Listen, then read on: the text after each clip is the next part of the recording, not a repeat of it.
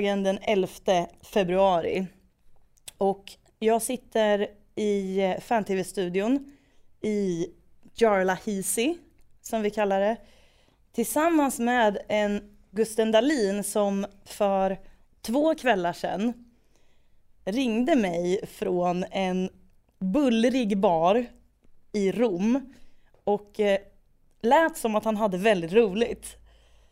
Och jag har förstått det som att du hade väldigt roligt i eh, några dagar och att du nu sitter här och som det heter mår därefter. Stämmer det här? Ja det är ju en korrekt analys. Mm. Jag fick eh, sota för eh, mitt alkoholintag igår. Mm. När eh, det var utcheckning från hotellet vid 10.30 och eh, jag skulle landa på Arlanda strax innan klockan 19 på kvällen. Mm. Den dagen är ju så sällan, sällan eh, härlig att eh, uppleva. Mm. Men jag, eh, jag hjälptes lite av att min resekompis Jakob Gustafsson, bror till Halmstad BKs tränare Jens Gustafsson, Är det sant? eh, kan, han hade det betydligt värre. Då han strax efter att det här samtalet som jag ringde till dig hade avslutats, eller strax, några timmar senare, när vi var rejält på dojan. Då hade han precis köpt lite käk på McDonalds och går ut från restaurangen, kliver rakt ner i ett hål i gatan. Och, och du vet, han bara faller. Kolan sticker åt höger. Eh, och full som han är, alltså jag agerar ju precis likadant när sånt där händer mig. vänta, Nu- vänta. nu- nu- jo, jo, jo, men, men vänta. Hur djupt är hålet? Snackar vi liksom? Nej men alltså hålet är tillräckligt djupt för att din balans och ditt medvetande helt ska rubbas. Han stod inte till midjan i, i, i en grop. Nej, hålet var verkligen inte midjehögt, men han kliver ner i det, vi snackar kanske att det är två decimeter djupt då. Så att alltså, balanssinnet slås bara ut, helt. Han tappar balansen, kolan sticker åt höger, men sugen på sin Big Mac så tänker han ju först och främst på att rädda påsen. Så han liksom, han offrar ju sig själv för att, be- för att behålla käket intakt. Eh, så att eh, det, det slutar med att hans högeraxel tar den, tar den, liksom, den riktiga jävla smällen. Eh, och då ska man komma ihåg att när man är jävligt berusad, då dämpar ju alkoholen smärtan Ja visst. ordentligt. Men här var det alltså, han hade riktigt, riktigt ont i axeln trots ganska hög promillehalt. Men det här är på vägen hem så att vi går hem, vaknar ju, mår skit båda två. Vi vet att det är en lång, en lång resedag hem till, jag ska hem till Stockholm och han ska till Landskrona. Och när vi vaknar så, det första han säger är bara, jag får inte av mig tröjan. Jag kan inte lyfta armen. Och till det här då hör att när vi har kommit hem på natten så har han ju, han har ju skitat ner sig för det började regna på kvällen. Så att hans jeans, som var de enda jeansen han hade med sig, de har ju blivit så jävla skitiga. Då har han ställt sig och handtvättat dem, eller liksom kramat ur dem i duschen. Trott att de ska torka på typ fyra timmar. Så att han har dyngsura jeans. dyngsura jeans, han kan inte lyfta armen. Jackan är helt skit- skitig också. Och så liksom en bakfylla modell värre på det. Så att eh, Jakobs nivå på liksom misären hjälp, stärkte ju mig. Jag förstår det. Men eh, jag har mått bättre. Jag så, förstår kan vi, det. så kan vi säga. Men jag kämpar på med min vita månad Ja. och jag är ju den halvan av FBTB som mår bäst just nu. Det kan vi enkelt konstatera. Oftast är det så känns det som. Ja, fast mest, alltså senaste liksom två veckorna, se, sedan din vita månad liksom nådde vägs ände och min tog vid. Jag, det jag är ute efter här, det är liksom utifrån våra hälsostatusar, så vitt vi har pratat om dem i den här podcasten. Skulle man kunna dra någon slags eh, slutsats av det? Ja, vi verkar ju omedvetet sysslar med någon slags yin yang övning. Jaha, Att- jag, jag tänkte mer att vi sysslar med någon form av självspäkeri i form av eh, alkohol eh, Nej, så- inmundigande. Så, så, eh, så konkreta tycker jag inte vi ska vara.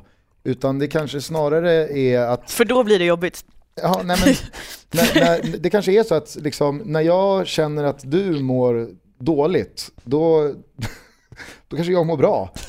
Och, och vice versa, jag vet inte. Men eh, vi får väl, nu efter vi har liksom kanske då slagit huvudet på spiken, så får vi ha med oss det här framöver. Är det så? Eller kommer det komma veckor där vi båda mår primus Mm. och veckor där vi båda mår skit, eh, skit liksom. Jag vet inte, men Mm. jag har haft en jävla helg. Men den här podden handlar ju om svensk fotboll. Det gör den. Så jag vet inte hur mycket eh, Italien och Serie A och Derby della Capitale vi ska snacka. Inget alls tror jag. Jag förstod ingenting av det du just sa. Nej, nej men jag, var, jag, var, jag har ju varit på Lazio Roma och jag håller på Roma. Eh, och de som då eh, kan lägga ihop ett och ett så är det här liksom, det är ju årets största match liksom. Det är ju det. Eh, och det, jag har haft en fantastisk, fantastisk helg. Mycket, eh, mycket tack vare Jakob Gustafsson. Eh, han, han är en fantastisk människa. Mm. Jävligt eh, härlig kille och spendera en sån här helg med i och med att han är liksom, han är så mycket Roma en svensk 26-åring kan vara. Eh, pratar italienska, umgås bara med italienare där nere. Eh, och det var ju inte första gången han var på Olympico, så mycket kan vi säga. Twittrar han på italienska också? Ofta. Mm. Ofta. Men det vi kan säga om min vistelse i Rom är att eh, veckans Lundén finns där. Oj! Ja. Valmir Berisha, Ah, eh, den svenske talangen som vann eh, skytteligan i U17-VM i höstas och som enligt sig själv eh, hade ett 40-tal toppklubbar att välja mellan. Vilket jag, alltså, det, det, det, det tror jag inte behöver vara en lögn faktiskt. Jag menar, 40-tal, vet du hur många klubbar det är? Jag vet, men du vet det blir, alltså i sådana tider med en sån spelare, med en kille, alltså, det, det finns bara en som kan vinna skytteligan i U17-VM. Alltså det är bara en som kan göra det. Och när den spelaren, alltså när det börjar ryckas i en sån spelare, då blir dominoeffekten ganska snabb. Sen är det ju skillnad på ett konkret intresse och ett eh, lag eller en klubb som anmälde liksom, eh, ja men vad är hans grej? Signade upp sig på nyhetsbrevet. Ja men typ. Eh, så att det var i alla fall, det kanske inte var 40, men det var inte, han, det, han hade inte bara Roma att välja på. Så kan vi säga. Men han har i alla fall gått till Roma, skrivit på för fem år. Jag eh, skulle bli förvånad om den killen gör en minut i Romas A-lag. I alla fall de kommande tre åren. Men all lycka åt honom. Eh, men det är bara så jag tror. Italienska klubbar brukar ju, det har jag varit inne på tidigare, de drar ju sig inte för att bunkra med unga duktiga talanger och sen Nej. låna ut dem och se lite vad det blir av dem. Mm. Lex Albin Ekdal, som det har gått jättebra för, men han, det blev ju liksom aldrig Juventus för honom, trots att det var Juventus som köpte honom. Eh, men vi åkte i alla fall ut till Romas träningsanläggning Trigoria på lördagen, dagen innan derbyt, för att liksom ja, men känna lite pulsen på laget, eh, skrika lite på spelarna, kanske få ett foto ihop med någon av våra favoriter i laget, som är givetvis de- de lite coolare spelarna än de uppenbara. Eh, ja men vi ville ha... Ja, ja, det var, bara, så- det var bara så kul att du sa det, för jag trodde att du skulle säga lite, lite coolare än eh, Valmer Berisha. Men så var det istället den ängsliga sidan hos dig, den creddiga Gusten, som gjorde sig påminn. Det var bara det som var kul. Ja, nej, men det var, det var, Nej. nej, men det var bara Är det som det var ängsligt kul. av mig att vilja eh, ha en bild på Bogdan Lobont, alltså Romas tredje målvakt, snarare än, än på Totti eller De Rossi eller någon av de andra stjärnorna? Är det, är, det, är det ängsligt av mig Det, menar du? nej, alltså det behöver inte vara det, men det var det som var roligt Ja, okej. i det du sa. Skitsamma, vi åker i alla fall ut dit, vi står där. Eh, ganska slitna då också kan jag, kan jag meddela. Eh, hade inte trampat i några hål än. Men det första som händer är att Valmir Berisha liksom kommer promenerande innanför grindarna. Och eh, Jakob går ju på liksom, han, går, han får ju feeling. han går ju bara på eh, instinkt och skriker Berisha! Varpå han vänder sig om och bara Ja, tjena! och du vet så här, sen så försvinner han direkt. Vi står kvar, eh, står och snackar lite skit, blir människor igen och 45 minuter, en timme senare så öppnar grinnarna och så kommer Berisha i en bil. Då vevar han ner rutan liksom. Och Jakob hugger direkt igen och frågar Berisha, hur är läget? och du vet, han, han är så oförstörd i det ögonblicket. För då hade det liksom, under, tid, under de tio minuterna som hade förflutit innan, så hade man sett de här spelarna nästintill alltså köra över folk. För att det är så här, det står 150 Roma-supportrar där, vill ha ett foto, vill ha en autograf eller vad det nu kan vara de vill ha. Men vissa spelare är bara, nej, inte en chans. Och bara visar ju liksom med gasen på bilen att undan, för att annars klipper jag er. Eh, och det kan man ju tycka vad man vill om. Eh, men man ska ju givetvis förstå att spelare, vissa spelare där har ju varit med om det där i liksom 10-12 år och kanske har börjat ledsna lite på det. Medan Valmir Berisha är 17 bast, helt nykläckt och du vet, han, det bara glittrade i ögonen på honom. Så att han, han lever ner utan får frågan av Jakob hur han mår. Han säger, jo det är bra, hur är det själva? så, ja, men det var bara så han, var så, han var så oförstörd i den där lilla stunden. Så att eh, veckans Lundén är Valmir Berisha och eh, i och med det så sätter vi punkt för min Romresa och startar igång det 26 avsnittet av Från bruket till bögringen, FBTB med mig Gusten Dahlin och Elena Lövholm. Bahoy!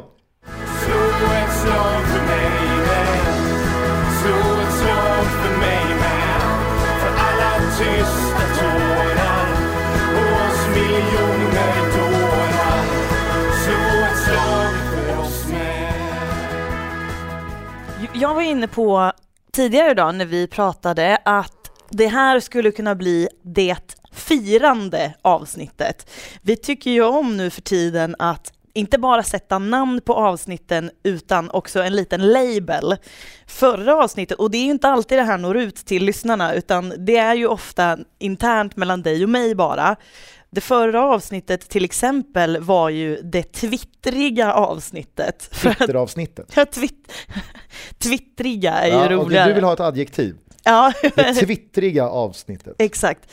Vi har det... även haft det kalla avsnittet när vi stod Aha, på Skytteholm. Det har vi. Vi har haft några fler som är roliga. Men det här avsnittet skulle kunna vara det fi firande avsnittet. För att dels så är det korkbröllop. Vi fyller lärde, 26. Exakt, vi fyller 26 avsnitt och det lärde vi oss i förra avsnittet att eh, i bröllopstermer så är det korkbröllop. Vi firar också att du har namnsdag idag. Yngve. Det är Yngve, jag googlade och det var ju In Inge och Yngve va, idag? Som eller? av en slump så hette min farfar Yngve och min morfar Inge. Oj! Mm. Båda, båda, båda, båda eh, har eh, gått ur tiden. Så att, mm. eh, vila i frid, farfar hade fyllt år idag. Ja. Apropå, får jag bara eh, liksom, en kort passus. Mm. Eh, en av våra mest trogna lyssnare är min mormor. Jaha, nej, är det sant? Jo. Eh, och hon har en liten hälsning till oss. Men, har hon ja, det? det, det är den i stil med eh, den här... Niklas Bäckströms farmor. Är det den här hockey, hockeyspelaren? Ja, exakt. Ja. nästan. För att hon tycker att vi svär för mycket. Jaha. Det är hennes invändning. Det tycker min pappa också, eller att jag gör i diverse forum, att jag svär för mycket. Det tyckte han till exempel i somras när du bjöd in mig till den här sändningen av Vem äger förorten? Då var det liksom inte så här, ja men vad kul, du gjorde ett inskutt i SVT och pratade lite fotboll och den där turneringen, det verkar ju, det verkar ju asfet liksom, vad, berätta mer, utan det var så här, ah, Elena du pratade i två minuter och du sa jävlar tolv gånger. ja. Nej men äh, mormor gillar ju podden. Vad heter mormor? Hon heter Marine. Marine. Vill du hälsa till henne? Nej men hej Marine, vad roligt att du lyssnar. Det, det trodde jag inte. Vi ska tänka på våra... Eller jag, tro, jag tror väl ingenting om din mormor Nej, överlag. Vi ska tänka men... på våra stygga tungor. Ja. Det kan vi säga. Vi tar till oss Ja men det kan vi av gud ja. ja. Eh, det, det var det jag skulle säga. Nu, fortsätt. Fler grejer vi ska fira. Ja. Och det kommer vi in på mer sen såklart, men Andres Thorleifsson är klar för att spela i Allsvenskan 2014. Det ska vi prata mer om. Det är fantastiskt. Men vi ska fira en grej till och det är, det var det här jag trodde att du skulle säga nu för att en annan av våra allra mest trogna lyssnare fyllde år igår. Han heter Jerry Nilsson och jag vet att du vet vem det här är för att han skickade ett väldigt långt och, och mysigt mejl till oss en gång och han är också en av de mest aktiva under FBTB-taggen på Twitter. Han fyllde 19 år, han har varit med oss sedan starten, vilket jag inte tror att jättemånga har. Antingen så var man med sedan starten och så har man droppat av efter vägen för att man har tröttnat på oss. Eller så har man skuttat in vid avsnitt 12 eller något sånt där. Och det här är en jätterar kille. Jag, jag tycker väldigt mycket om honom och ehm, jag vill säga grattis. Grattis i efterskott, Jerry. Ja, det, jag, jag stämmer in i gratulationskören här. Mm. Jag brukar ta till eh, sången i de här lägena, men eh, jag, jag, jag, jag pausar nog. Det, det, jag, det känns inte så. Med en enkel tulipan på bemärkelsedan Jag har den äran, jag har den äran att gratulera. Så. Jättefint. Jag tänker också ta det här ett steg längre. Inte sången, men eh, gratulationerna.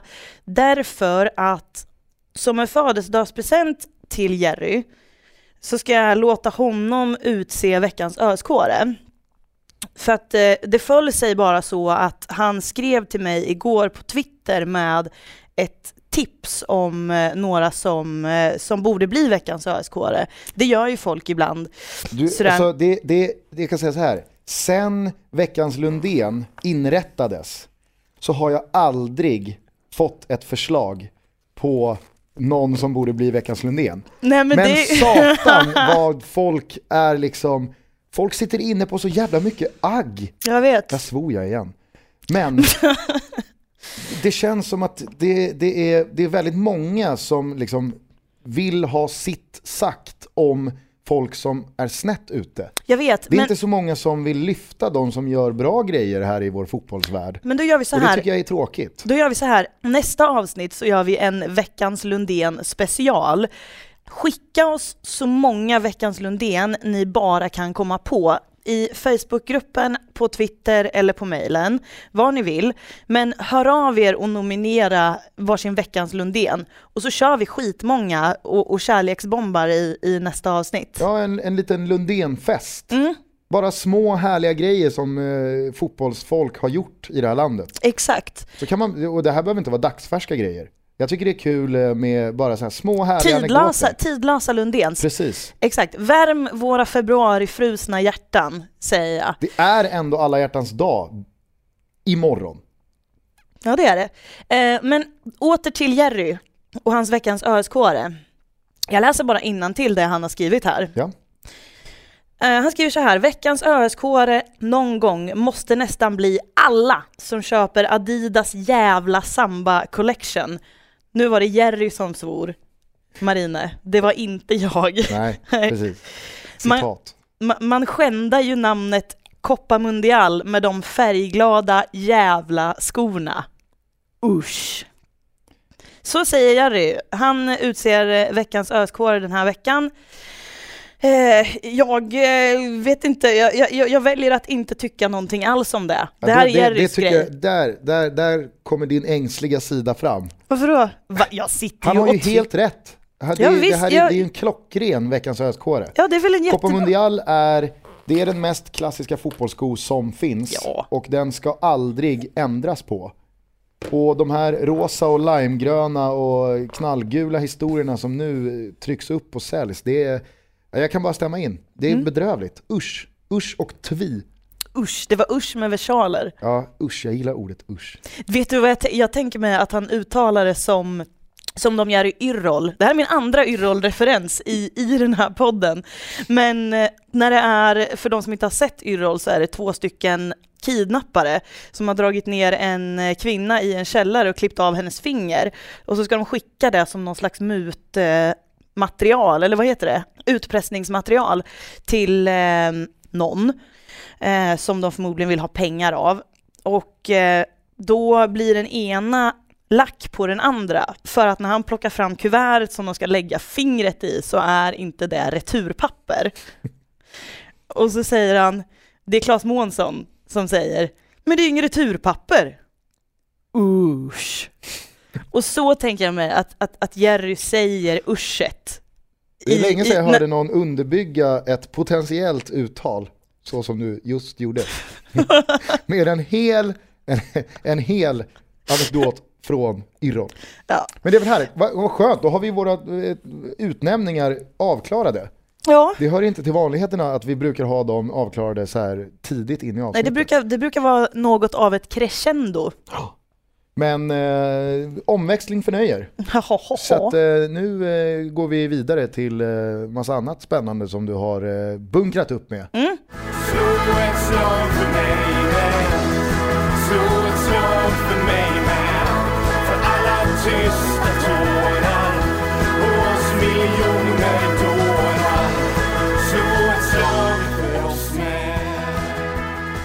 Nu ska vi ringa upp en av eh, våra stora favoriter i, den i, i den här podden.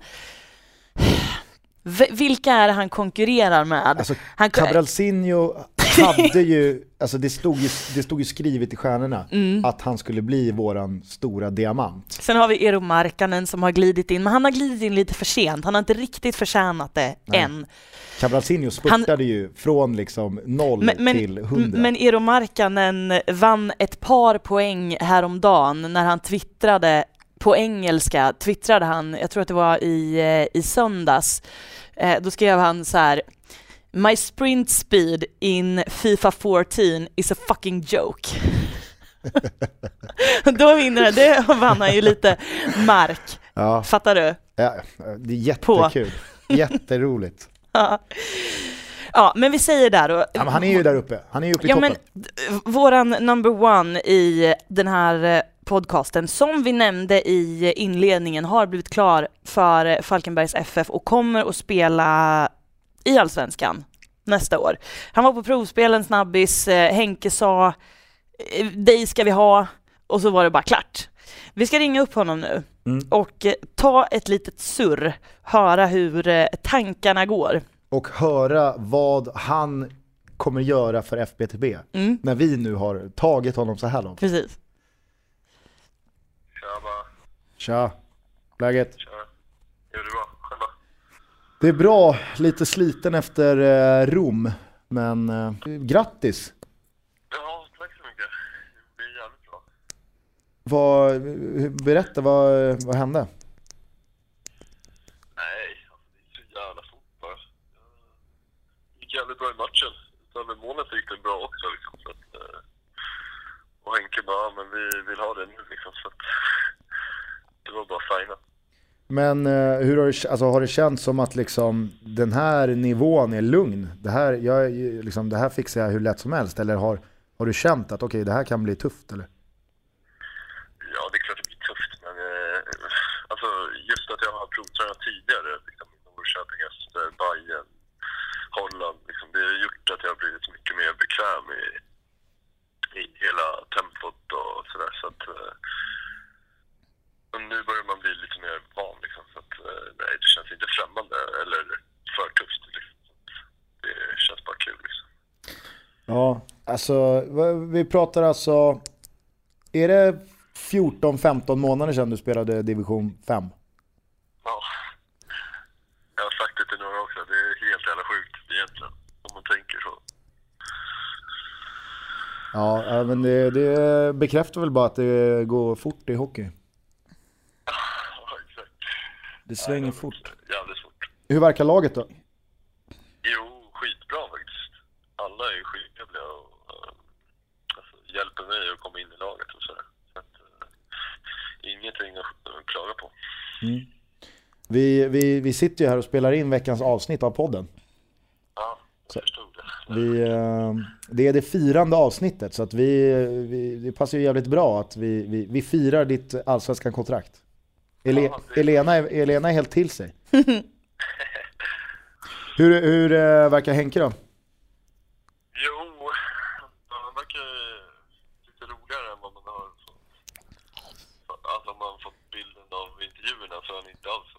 Nej. Utan han, han bjuder på sig själv och det måste man väl göra i en sån här liten klubb tror jag.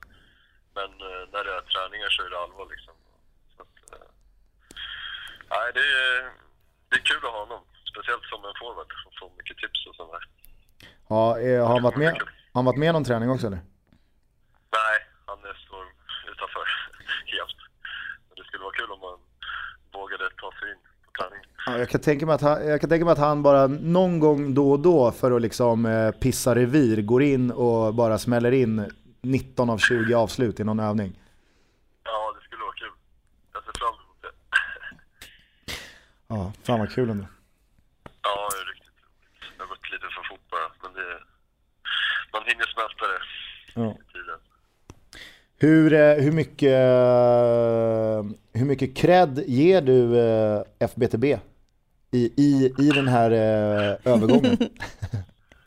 Ja, det måste jag ge väldigt mycket. Det, var, det har varit jävligt kul att lyssna på det. Och speciellt din anekdot om mig och hela den här historien bakom att du hjälpte mig med en agent och sådär. Så, ja, det får jag ge mycket cred till. Ska vi, ska vi, vill du säga någonting Elena? Jag, vill, jag skulle vilja be att han eh, hittar på någon slags hälsning som, är, som han gör när han gör sitt första allsvenska mål. Så ska han göra något form av tecken som är hälsningen till FBTB. Eller har vi, Som- har vi Bahoy på en t-shirt? Som man får ha under. Ja, Bahoy på en t-shirt under matchtröjan. Det är perfekt då om man gör målet mot AIK. Ja, men du, du får offra ett gult kort för, eh, för FBTB. Ja, men det kan jag göra. Då får du skicka den t-shirten. Ja, då, drar du upp den i veckans match, då är vi kvitt. Ja, Ja, men hörru, vad fan, eh, lycka till nu, vi, vi hörs av. ja, tack. Eh, och eh, ja, fortsätt bara kör. Ja, men det kommer jag göra. Finns Jag en, slutar inte nu. finns en lucka i Roma sen efter Totti om eh, två år. Ja, det skulle vara magiskt.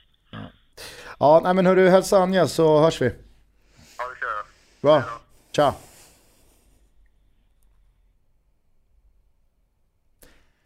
Man hör ju på honom att alltså, det har gått fort. Mm. Man hör på honom att det är lite så här. Ja, Ja, jag, jag vet inte. Exakt, Han typ inte, här, han, jag, jag, vet, jag vet inte fan, jag, jag vet inte heller hur det här har liksom gått till. Nej, nej. Ah, Det känns som att han har, han har inte kommit ikapp det här själv ens. Han läser om sig själv att jaha, Andres Thorleifsson är klar för Falkenberg, men Det är ju vad, jag. vad ska jag göra? Nej men jag kan tänka mig att, jag kan, jag kan tänka mig att så här, eh, liksom, när han vaknar på morgonen, Mm. vaknar han och, och tänker jag är fotbollsproffs Mm. nu? Mm. Eller, eh, du vet, tar sånt tid? Ett sånt här, hur hamnade jag här moment. Ja men exakt, för att eh, nio av tio spelare i Allsvenskan har ju gått liksom mer eller mindre raka, En lite rakare rak- väg ja. alltså rakare spår mot att leva på att spela fotboll. Mm.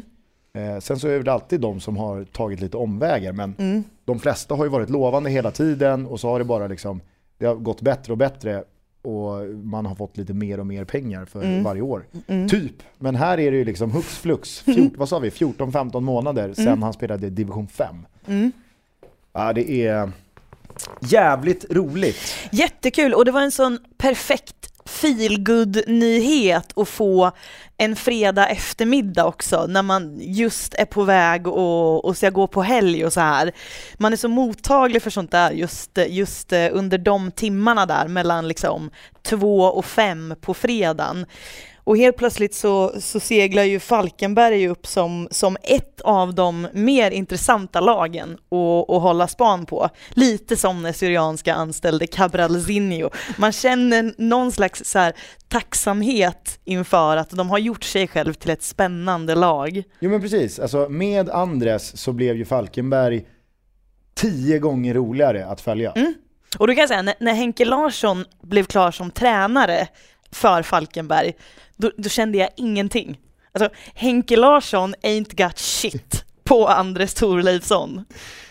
Nej, nej, men det är jag helt klart beredd att hålla med om. Så att eh, vi bockar av ännu ett grattis i det här Mm. firande avsnittet. Verkligen stort grattis. Ja. Och så får vi se hur det blir med den där Bahoy-t-shirten. Ja. Men det får, vi, det får han ju, alltså vi skickar ner den där t-shirten och då, ja. Alltså, gör han det, då är, då är vi kvitt. Mm. Då är vi kvitt. Men eh, grattis Andres.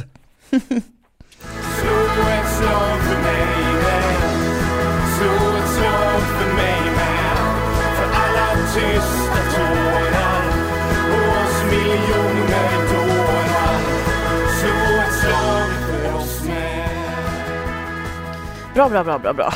Vill du höra en kort härlig sak? Ja, alltid. Du vet sist du sa så här, vill du höra en härlig historia? Då berättade du om Andres Thorleifsson. Jaha. Ja. Solskenshistoria sa du? Exakt. Ja, men, eh, det här är inte en solskenshistoria. Eller, jag vet inte vad det är. Kommer du ihåg David Löfqvist? Ja. Löken kallad.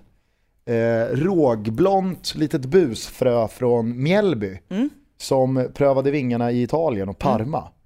Eh, gick sådär. Eh, och sen så hux flux var han hemma i, i Malmö FF. Mm. Om jag inte minns fel, i typ en halv säsong eller något sånt där. Han var ju på lån tror jag, Ja. eh, en, eh, en, en sväng. Men det är ett tag sedan. Var det inte där 2000? Alltså han var ju inte med, och vann, han var inte med i, i laget som vann guld. Nu. Nej, nej, nej, nej, men det var, det var ju ett par år sedan Ja. åtminstone. Hur som helst, han är tillbaka i eh, Mjällby. Han har vänt hem. Eh, och, och då så var det en, en kort liten blänkare om det där som jag läste. Och han är ju triggad. Han, han, han säger sig vara triggad av att det finns så kallade haters. Som eh, typ eh, skrattar lite och pekar och säger vi sa ju det. Eller vi, haha, vi visste väl det att du inte kunde lyckas. Och, och då så beskriver då Löken, som jag väljer att kalla honom, eh, vad han känner inför det här. Och, och jag, jag kommer bara citera honom ordagrant. Jag vill ge alla tvivlare på tafsen. Vet du vad? Jag reagerade på exakt samma sak. På, Och jag och känner det, här, roliga, det, det som också är kul med det här på tafsen, det är att i hans citat så har människan som skrivit artikeln också satt extra Ja, citationstecken. citationstecken. Ja, ja, men alltså, skriver- så det, är, ju- alltså, det, det är inte bara jag alltså som ser David Nej, nej, nej, Löfqvist nej. daska till någons eh, liksom, hängiga pung typ. Nej, nej. För det är verkligen så det här citatet liksom bäddas in. Han vill åka hem och knäppa folk på pungkulorna. Bokstavligen. Och då blir det bara ännu roligare att han kallas Löken. Jag vet inte, jag är inte alls bevandrad i det skånska språket. Trots att det är, det är betydligt bättre idag än vad det var för fem dagar sedan i och med att jag har hängt med uteslutande skåningar senaste tiden. Men tafsen, jag vet inte, vad är, vad är det? Är det, är det alltså knäppa någon på näsan då? Det är, det är ju där det känns som att han säger i alla fall. Ja, men vi vet egentligen vad han säger. Han, han ska hem och Alltså, snärta folk på pitten. Och, och säga, nu jävlar ska jag visa er att, att jag faktiskt kan spela fotboll. Det var bara det, jag, jag, jag, mitt öga bara drogs till det. I Mm. denna gyttja av vinter-OS så söker sig min blick till sådana här grejer. Mm. Jag vill inte veta hur det går i någon skidstafett.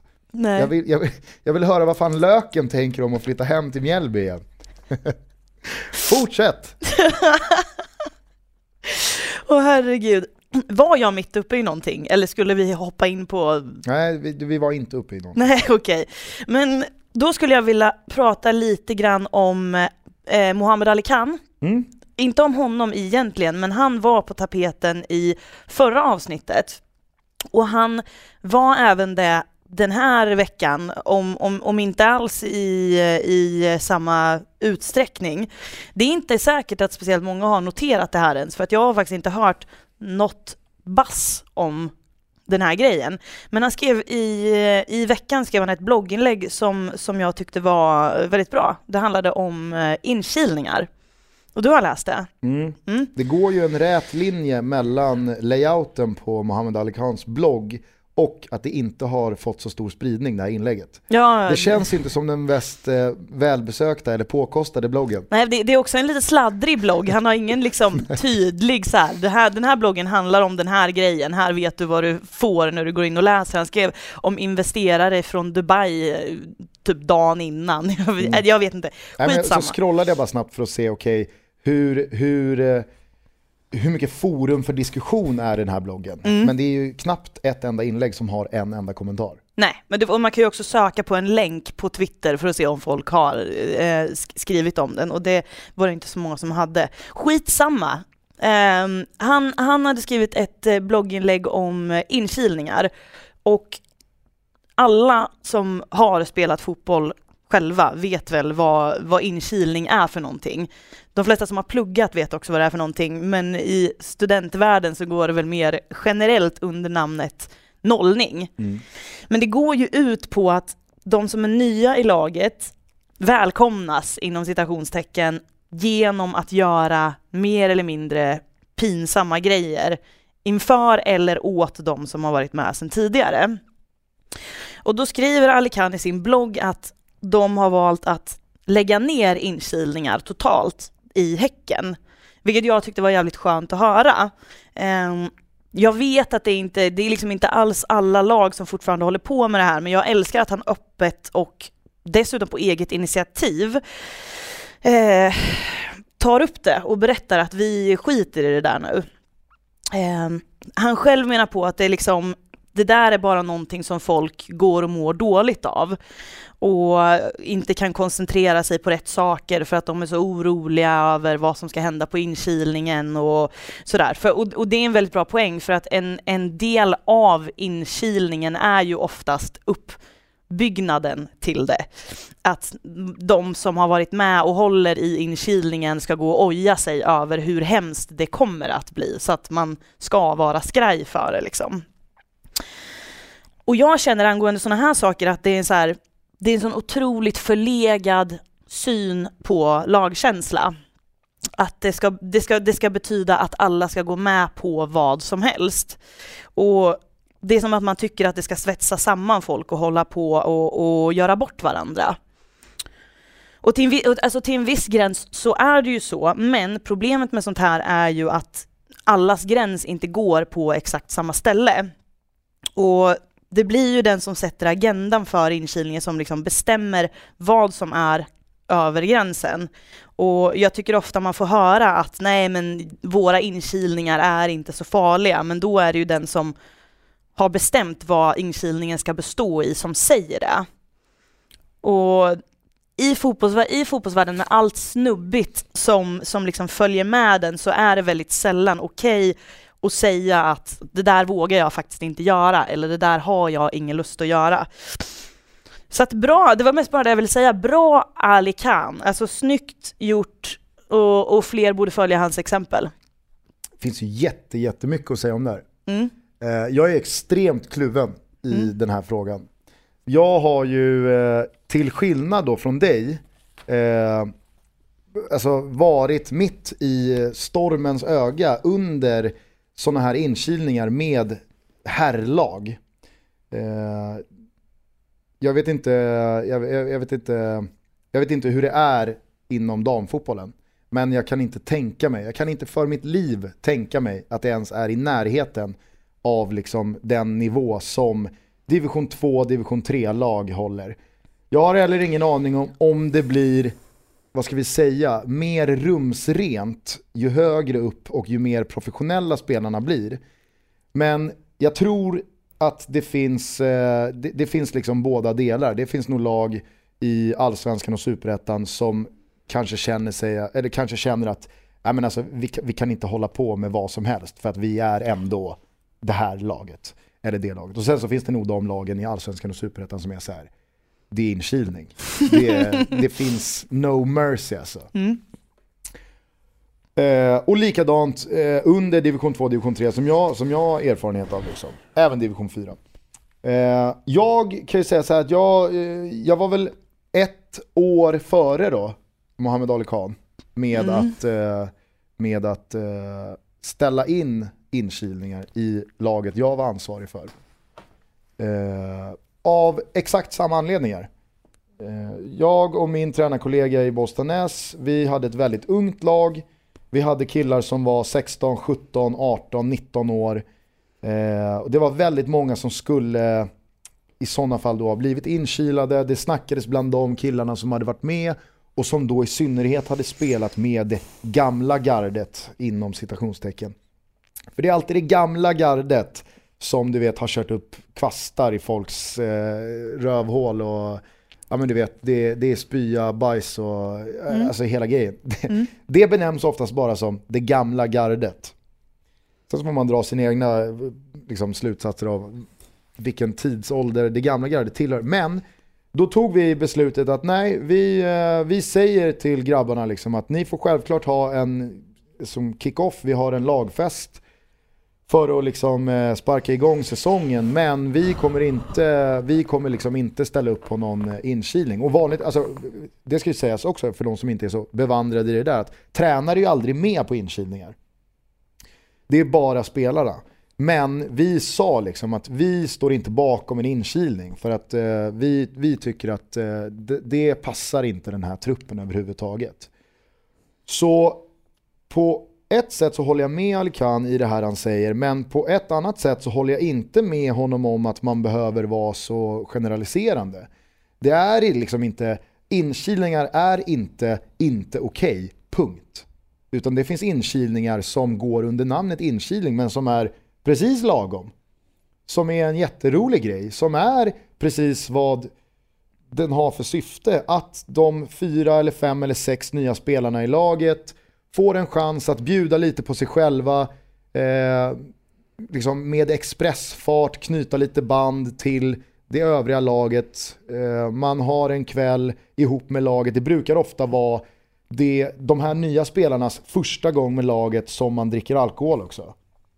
Och vi vet ju alla vad liksom fyra öl i kroppen kan innebära. Man gör ju en annan analys av människor efter fyra öl i kroppen. Det lärde ni er inte, om inte förra avsnittet.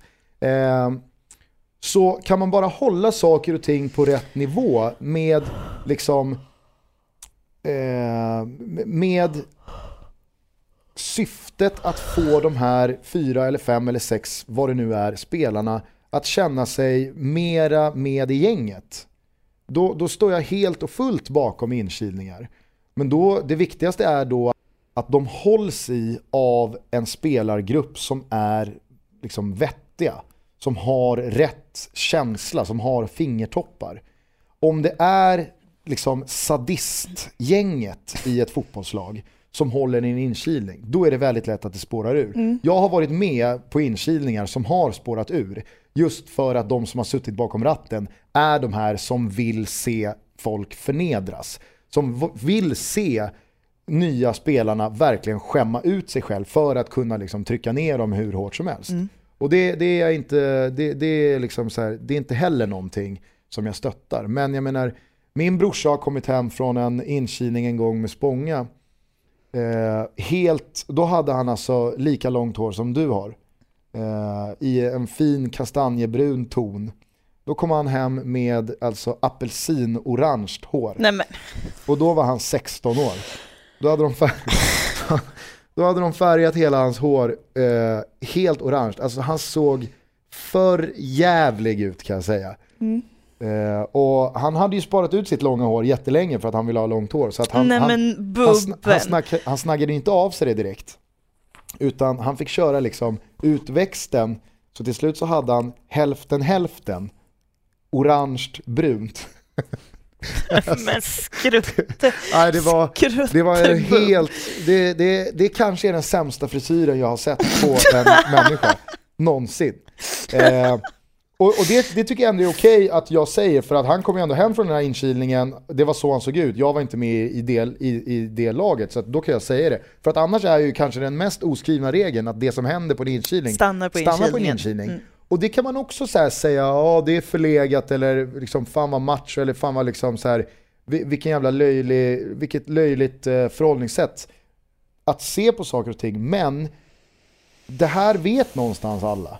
Jag skulle aldrig sitta här och liksom berätta vad, vad jag har gjort på inkilningar eller vad, vad annat folk har gjort på inkilningar. För att har man liksom sagt så och vetat så, då, då, då får man någonstans också respektera det.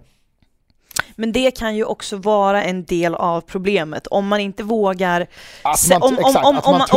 om, man inte, vågar säga ifrån eh, från första början, då blir det ju förmodligen sju resor värre av att man har svurits till tystnad dessutom. Ja, ja men exakt. Det kan jag förstå. Men det kan ju också ha den här funktionen att för själva eh, stämningens skull eh, så, så vet de nya killarna också att det här är ingen som kommer berätta för någon. Alltså man behöver inte dessutom oroa sig för att det ska sitta nio pers med mobiltelefoner och två dagar senare så ligger de här grejerna uppe på internet eller på YouTube eller vad det nu kan vara. Och det är ju någonstans, det blir ju ett litet skyddsnät också åt andra hållet. Alltså det finns ju det finns olika sätt att se på det här. Så att jag kan tycka att liksom, det som händer på en inkilning stannar på en inkilning. Det kan också gynna folks, liksom, ja men okej då kan jag väl fan, jag kan väl köra det här dansnumret. Eller vad det nu är.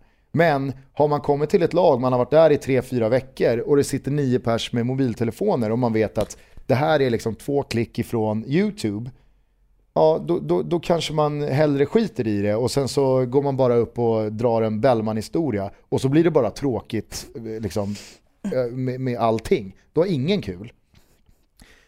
Jag, jag funderar dock på att lätta lite på den här hederskodexen och berätta en grej som är, alltså det, det är inget farligt, men jag berättar den enkom för att det här är korkavsnittet. Vi firar korkbröllop. Ja, okej. Det var en ganska rolig grej det här. Som vi, vi gjorde, vi, det var en kille som spelade, han kom till oss inför, vad kan det här ha varit, 2007? 2007 kanske? I Spånga. Och eh, så fick han ett uppdrag i, eh, under sin inkilning att det, det stod en stol bredvid en skottkärra fylld av korkar. Som vi, hade, vi hade fyllt en skottkärra med korkar. Bara Okej. vanliga flaskkorkar. Mm. Och eh, så sa vi till honom att eh, okej, du, eh, ditt uppdrag är att räkna de här korkarna. Ehm, och du får inte lägga ifrån dig en enda kork. Utan du måste liksom, du ska räkna antalet korkar, men du får inte liksom lägga ifrån dig dem. Eller de får inte lämna, de får inte lämna skottkärran eller din kropp på den här stolen. Eh, och så, nu kommer ju grabbigheten in, för att av någon anledning så skulle han vara naken. När han gjorde det. Ja men alltså du vet såhär. Okay. Så hans uppdrag var att naken i en plaststol flytta en och en kork från skottkärran som stod bredvid sig till han själv och liksom lägga i knät eller under armen eller mellan axeln och kinden för att han fick inte, han fick, jag vet inte varför vi hade någon fix på att han inte fick tappa korkarna. Men han fick liksom räkna till 117 korkar. För vi visste att det var 117. Och så sa vi du, du måste ha rätt och du får inte tappa en enda kork. Så att du vet en timme, en timme senare så sitter den här snubben, man ser knappt någon hud, han sitter med korkar över hela sig och har eh, fått fram att det var 117. Så att han klarade sig och då slapp han väl något jävla spöstraff där vi slog honom med vedträn allihopa. Nej, jag skojar. Alltså det, det var grejen, typ. Eh, men eh, nu, det, Men där, vad- jag, lott, jag, jag, jag, jag, jag, jag lättar på det här locket enkom för att det hade med korkar att göra och vi firar korkbröllop. Jätte, jättefin koppling. Alltså, jag måste säga, det där lät som en jätterolig lek tills du sa att han var tvungen att vara naken. Ja, men det Och var jag någonting undrar- med att han nej, skulle det så här, var- Det var någonting med att han skulle liksom Ja, nej, jag, jag vet Jag- nej, men jag det, undrar, Det, det är finns, upp- det, upp- här, upp, jag jag hör ju- själv att det finns ingen vettig anledning till varför han skulle vara naken. Men naken var han.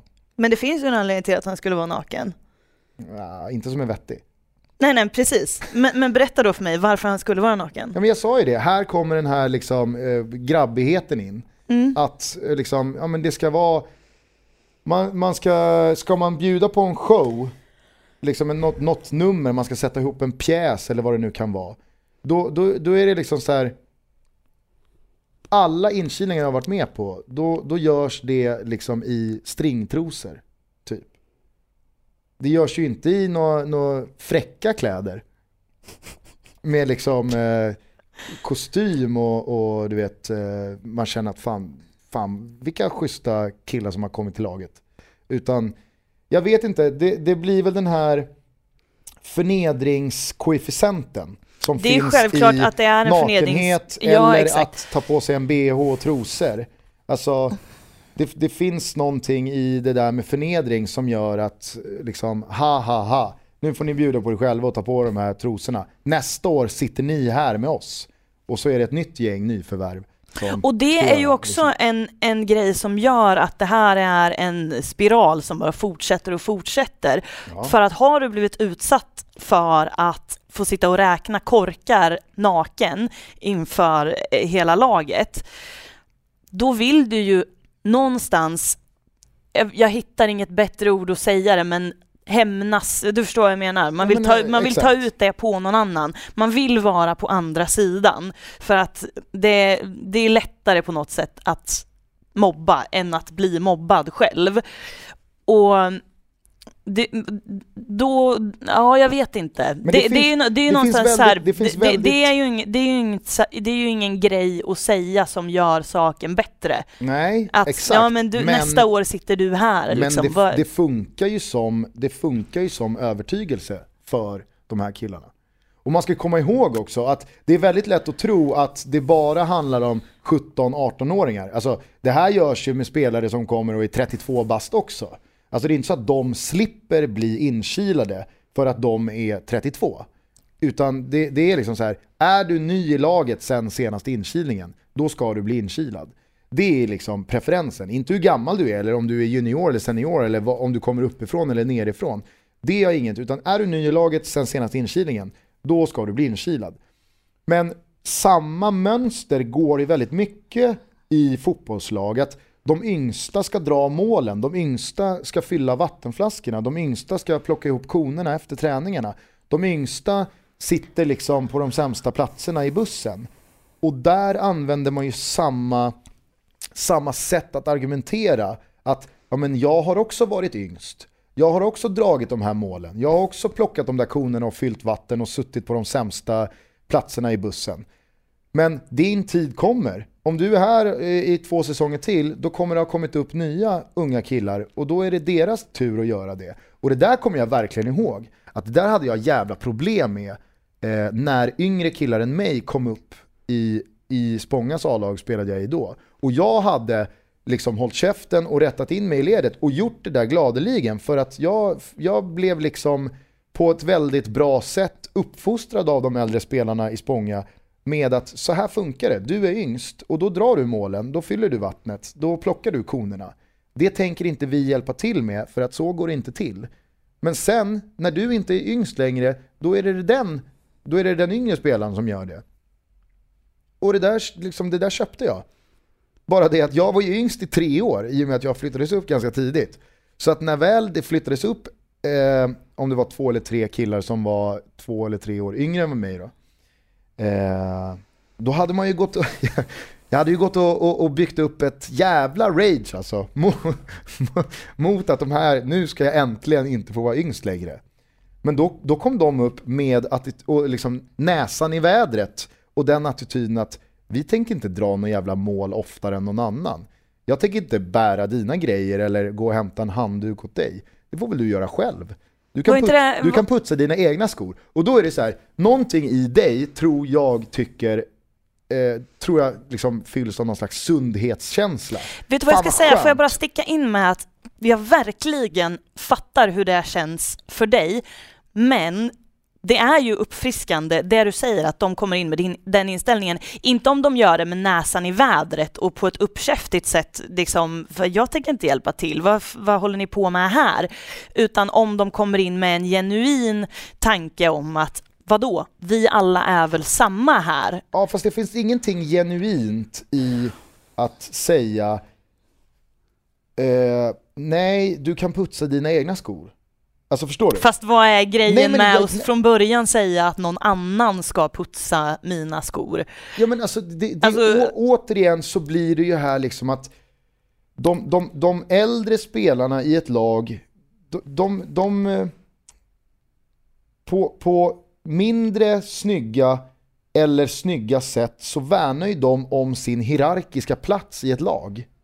Mm, ja, ja, visst. Och när det kommer till fotboll, när det kommer till det spelmässiga, då kan vilken 29-åring som helst bli utkonkurrerad av en 18-åring.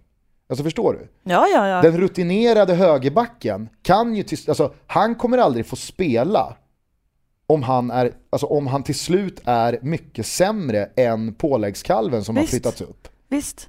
Men det högerbacken har, det är den 33-åriga rutinerade högerbacken har som den pigga, moderna ytterbacken som är 19 år aldrig kan få, är ju den hierarkiska eh, positionen i laget om 33-åringen väljer att upprätthålla den.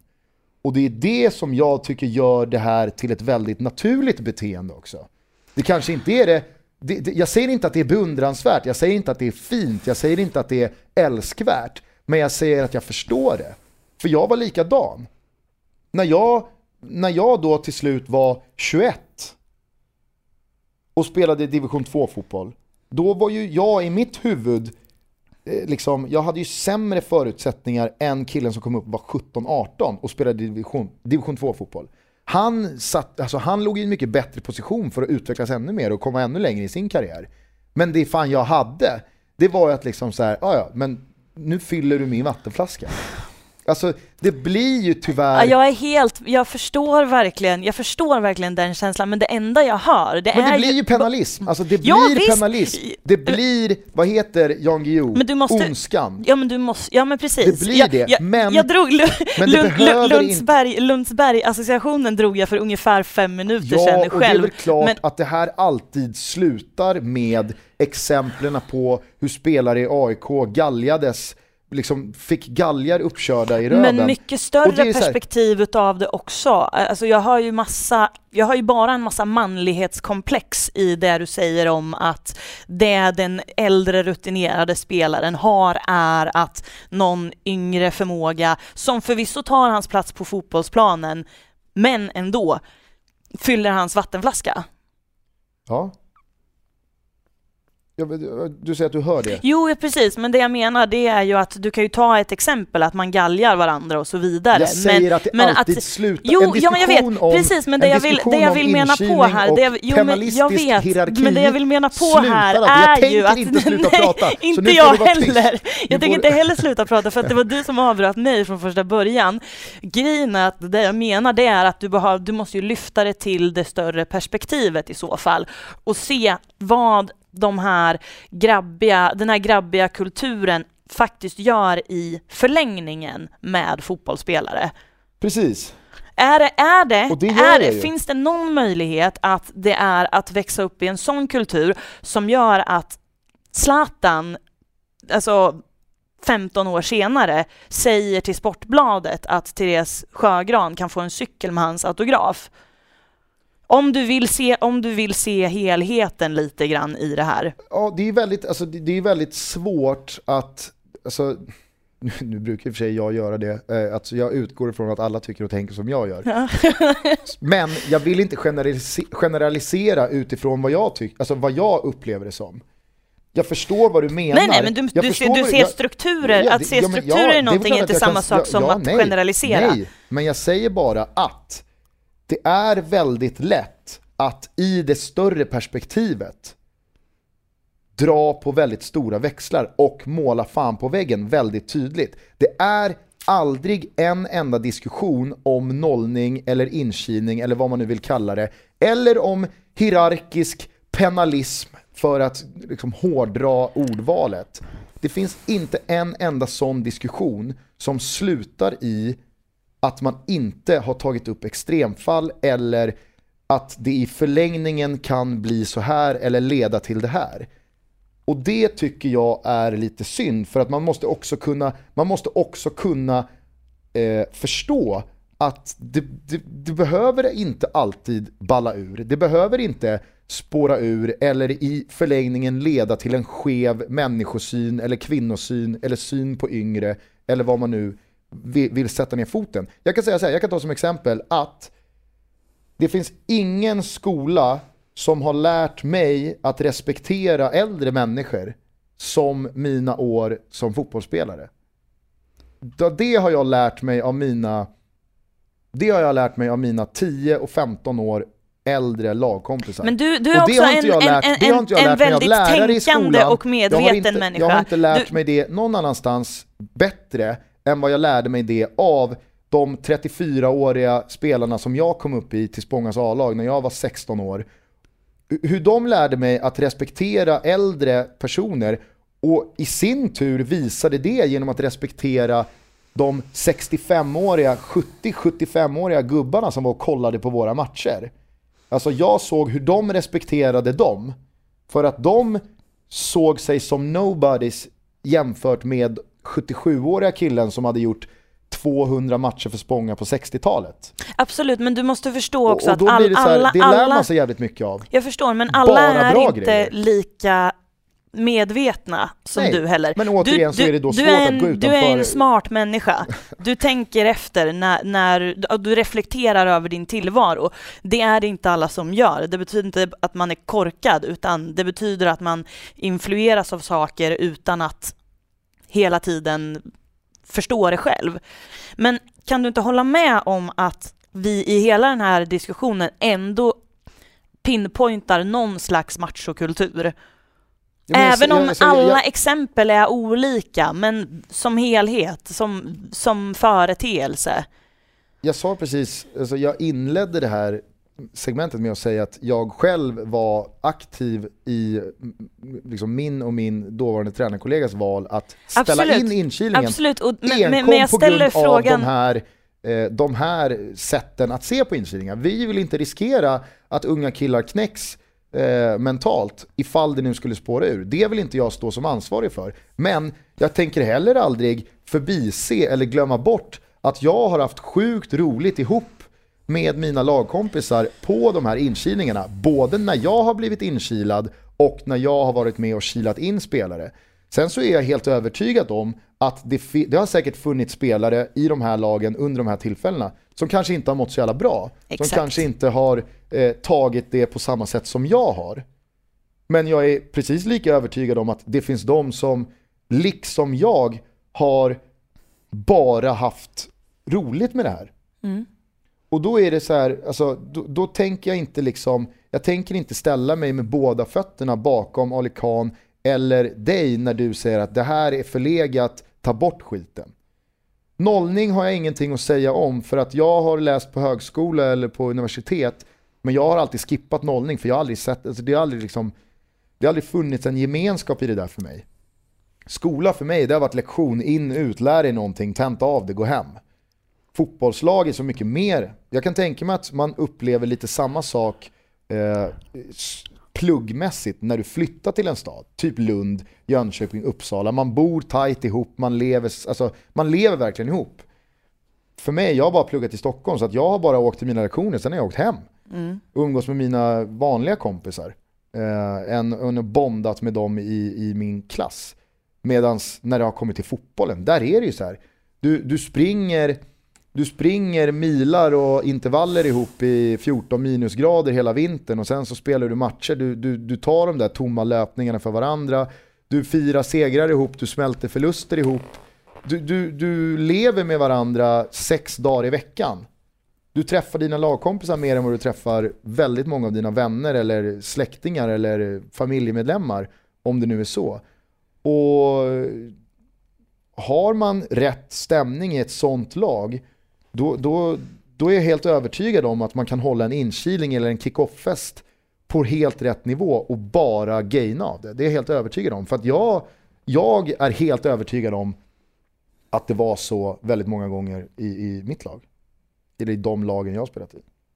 Så att jag är kluven. Absolut, Jävligt jag kluven. förstår det. Min, min poäng är ju... Men jag kan ju- säga just, den, ja, i- min, fan, poäng, sorry. Kör. min poäng är just den att du tyckte att det var skitkul och du är övertygad om att alla andra har haft skitkul. Men du kan ju inte riktigt vara det. Nu kanske just Det den här killen... Nej men precis. Men du, och just den här killen som fick sitta naken och räkna korkar, han kanske inte tyckte att det var så jävla farligt. Det vet inte jag heller. Men hur han mådde innerst inne, det vet ju inte vi. vi vet, du vet ju inte om du har klampat över fullständigt på hans personliga integritet. Det har Nej. inte du en aning om. Nej. Och, och, och då har du spelat fotboll i många år, du har varit med på många inkilningar, det finns många killar som kan ha känt sig väldigt ledsna och mått dåligt av det här. Det är det som är, det är, det som är min poäng, att man liksom inte vet. Och att det finns en det finns en kultur i herrfotboll som inte tillåter att man säger ifrån heller. Mm. Och sen om man vill säga ifrån därför att man är rädd för att det ska hamna på Youtube eller inte, det vet ju inte jag heller. Men att säga nej men hörni, alltså stopp nu, det, det här är faktiskt lite väl. Det händer ju inte. Nej, det är klart. Lika mycket som att du kan ju tänka dig vad som hände med de här två, tre killarna som kom uppflyttade och sa till oss då, jag fick äntligen referera till mig själv som en av oss, till oss äldre när de sa, vi tänker inte fylla någon jävla vatten. Du kan väl gå och pumpa bollarna själv. Eller liksom, nej, jag, jag tar min väska till bussen. Men vad, vad händer med dem då? Ja, du kan, du kan väl tänka dig. Då är det inte någon som bara... Alltså spolade ni, dem, spolade ni deras huvud i toaletten Nej, men eller nej. liksom vilken, nivå, Nej, vilken men- nivå var det på? Alltså vi kan säga så här, de kom ju aldrig in i gänget. Och då blir det så här, är det löjligt av oss att vända dem ryggen eh, för att de inte vill fylla vattenflaskorna innan en träning? Eller är det löjligt av dem att inte bara liksom spela spelet, fatta att okej, den här säsongen är jag yngst, nästa år är det någon annan som är yngst. Alla i det här omklädningsrummet har någon gång varit yngst och gjort det här. Och, och det får man ju någonstans övertyga om. Så gör man det och sen så, så, så är det liksom inga problem. Men när de säger att nej, vi, vi, ska in, vi, vi drar inga mål. Det kan väl ni göra? Så den clashen som uppstår när vi står och bara Stämningen. då- stäm, stämningen, det isade ju till. Alltså det, det blev ju så här, folk bara tittade på varandra. Men va, det, de är ju... Va? Ska, sk- Vad fan, vad, vad snackar ni om? Ni, even- ni är ju yngst. Alltså det, det är bara, dra målen nu. Nej, men fanns det, inte någonting, fanns det någonting överhuvudtaget som var lite fräscht med att ni fick vakna till lite grann och ifrågasätta själva vad det var ni hade för slags ordning i laget? Eller var ni bara, var ni bara förbannade eller kunde ni se åtminstone att jaha, men här kommer det ju i alla fall in nya ögon som inte tycker att sättet vi har gjort saker på i alla dessa år är det bästa sättet att göra saker. Intressant slutkläm nu. Som, För- Mm. du, som du peggar upp för här. För att det här är en trestegsraket. Det här är en trestegsraket. Jag har landat i det här i tre steg. Ett. Vad va, va, vad fan säger ni? Alltså ni är yngst. Det är bara liksom rätta in er i leden. Så här har det alltid gått till. Så här ska det fan alltid gå till. Jag har pumpat bollar i tre år. Nu är det fan någon annans tur. Det, så kände jag liksom när det rasade. Ett, två år senare när fler och fler ur 90-talsgenerationen hade flyttats upp och det här blev mer och mer, alltså det var med den här attityden folk flyttades upp. Att jag är inte sämre än, jag är inte mindre värd än någon annan. Jag ska inte hålla på och dra mål i, i 150 träningar och den här spelaren ska inte dra mål en enda gång bara för att han har spelat i Allsvenskan en gång för tio år sedan.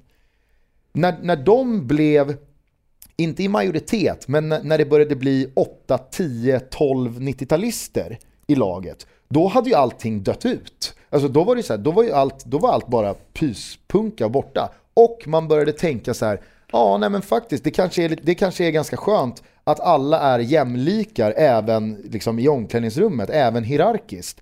Att det inte finns det här tydliga, vem får sätta sig på vem. Eh, så att då, då, det, då började jag liksom vackla i det här att, ja ah, nej men vad fan, det, det, det kanske är lika bra. I förlängningen på det så spillde det över i min inställning till inkilning. Att jag som, som tränare, där var det ju verkligen så här, nej, jag tänker som tränare inte stå bakom en inkilning. Det tänker jag inte göra. Och det har någon, någonting väldigt mycket med den här inställningen som 90-talisterna kom upp med. Men nu, i tredje steget, så har jag börjat lägga ihop ett och ett. Kommer du ihåg, kommer du ihåg avsnittet i höstas när jag rantade om individualister hos 90-talistgenerationen och att jag oroar mig över att spelare, jag unga fotbollsspelare idag kommer upp i seniorlag med väldigt mycket fokus på sig själv. De skiter i laget. De det är, tänker det är bara på sitt viktigare att de bästa. själva gör mål än Ja. att laget vinner. Ja. med det som försvinner i det här att den yngsta ska dra målet och och fyller du bara vattenflaskorna i en säsong så kommer du in i, i laget igen. Alltså då, då är du inne i laget sen. Då är du verkligen en del av laget. Och det kan jag tala om för dig. När du, när du väl kommer in i gänget, då skyddar ju de här 34-åriga före detta allsvenska spelarna dig med sitt liv. Alltså fick jag en enda tjuvsmäll av någon, spel, alltså någon motståndare, då var ju liksom de allra största och bästa spelarna i, i mitt lag, då var ju de framme och, tog, alltså, och verkligen stämde i bäcken med den spelaren som hade gett den 18-åriga Gusten Dahlin en tjuvsmäll. Då kom liksom de före detta allsvenska spelarna bröstade upp sig mot honom och gjorde det jävligt tydligt för honom att det där var sista tjuvsmällen du gav honom. Det skulle ju aldrig de göra för näsan i vädret spolingen som kommer upp och ber dem putsa sina egna skor. Alltså förstår du Inte förrän, hela, som nej, blir? inte förrän hela systemet är utfasat. Exakt. Ja. Inte förrän hela systemet är utfasat. Men när hela systemet är utfasat, då tror jag att den här individualismen som jag tycker präglar dagens unga fotbollsspelare, då är den, då har den, den, den kommer frodas så hårt i att det här systemet upphör. Att om 15 år, när det här är upphört, då kommer vi ha väldigt många lag med 11 individer snarare än ett kollektiv. Och det oroar mig för att det går en rät linje mellan själviska individualistiska 90-talister och att de inte har velat rätta in sig i de här leden. Okej. Okej, jag förstår dig. Det här är kontentan du landar i. Och jag tycker vi ska göra så här för att vi, nu har vi pratat om det här skitlänge och vi måste börja runda Det av. måste vara slut efter det. Ja, absolut. Vi ska runda av avsnittet nu. Du landar i den här kontentan. Ska det här, Jag ska det, säger- Det, det här ska med. Det här ska med. Ehm, jag säger att jag förstår hur du tänker, men jag ser inte riktigt den kopplingen. Och så gör vi som vi gjorde med eh, höst-vår-diskussionen, att vi tar med våra lyssnare i den här diskussionen, så att vi ber Kevin, vi behöver inte ens prata vidare om det här i nästa avsnitt, men vi ber Kevin ställa frågan på Facebookgruppen. Vi ber folk twittra om det på hashtag FBTB och vi ber folk mejla oss sina synpunkter. Vi är inte helt, vi, vi är överens på, på några punkter, men vi är inte fullständigt med varandra i, i din, eh, eh, din slutkläm med trestegsraketen här. Nej. Så att eh, jag tycker folk kan få höra av sig med sina synpunkter i det här. Egna erfarenheter, egna tankar kring det, vad det nu kan vara för någonting. Och så sätter vi punkt för den här diskussionen med det. Om du inte bara vill höra en liten vänsterprassling mot, med vad som hände under en inkilning i Bele för några år sedan. Det är bara det är en jätteliten grej. Jag skulle stå för snittarna. Jag, jag blev inkilad i Bele. Det här är alltså 2010. Eh, och då var jag en av eh, gänget som skulle kilas in och eh, då, ska man, då ska man sätta upp en show. Alltså vi skulle liksom så här, vi fick premisserna, bjud på en show. Och då, då jag, jag, jag är ju som jag är, så då ska det ju bjudas på tilltugg till, till, till show. Så jag drar ju iväg och handlar liksom grejer för att göra snittar. Men så blir klockan så jävla mycket, så det blir skitstressigt. Så att jag är ju för het med, eh, jag är för het med pepparroten. I snittarna.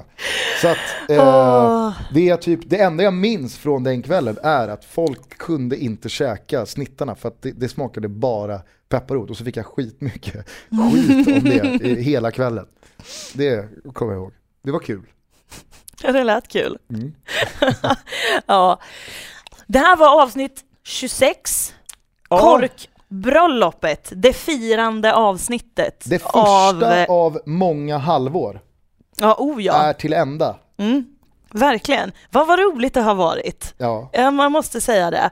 Men kom ihåg nu till nästa avsnitt, hör av er i inkilningsfrågan och hör av er med era egna Lundens. Bomba oss med Lundens. Ja, framför allt. Alltså massa kärlek vill vi ha till, till eh, avsnitt 27. Som för övrigt är min ålder också. av, Det- det- det är av en FBTV. Stark, stark koppling du gör där. Säga genialisk faktiskt. Jag vet. Ska jag berätta, jag är född på exakt samma dag som Ola Toivonen. Två det, det har du nämnt ett par gånger kan jag säga. Har jag? Det nämns bland annat i det bortklippta materialet från Peppar. Jaha, se där. Ja, då Bahoy. släpper vi det. Bahoy. Bahoy och ha det så jävla bra tills vi hörs igen. Kram på er, imorgon är det alla hjärtans dag. Så att all kärlek från mig och Elena till er. Mm, och var snälla mot varandra.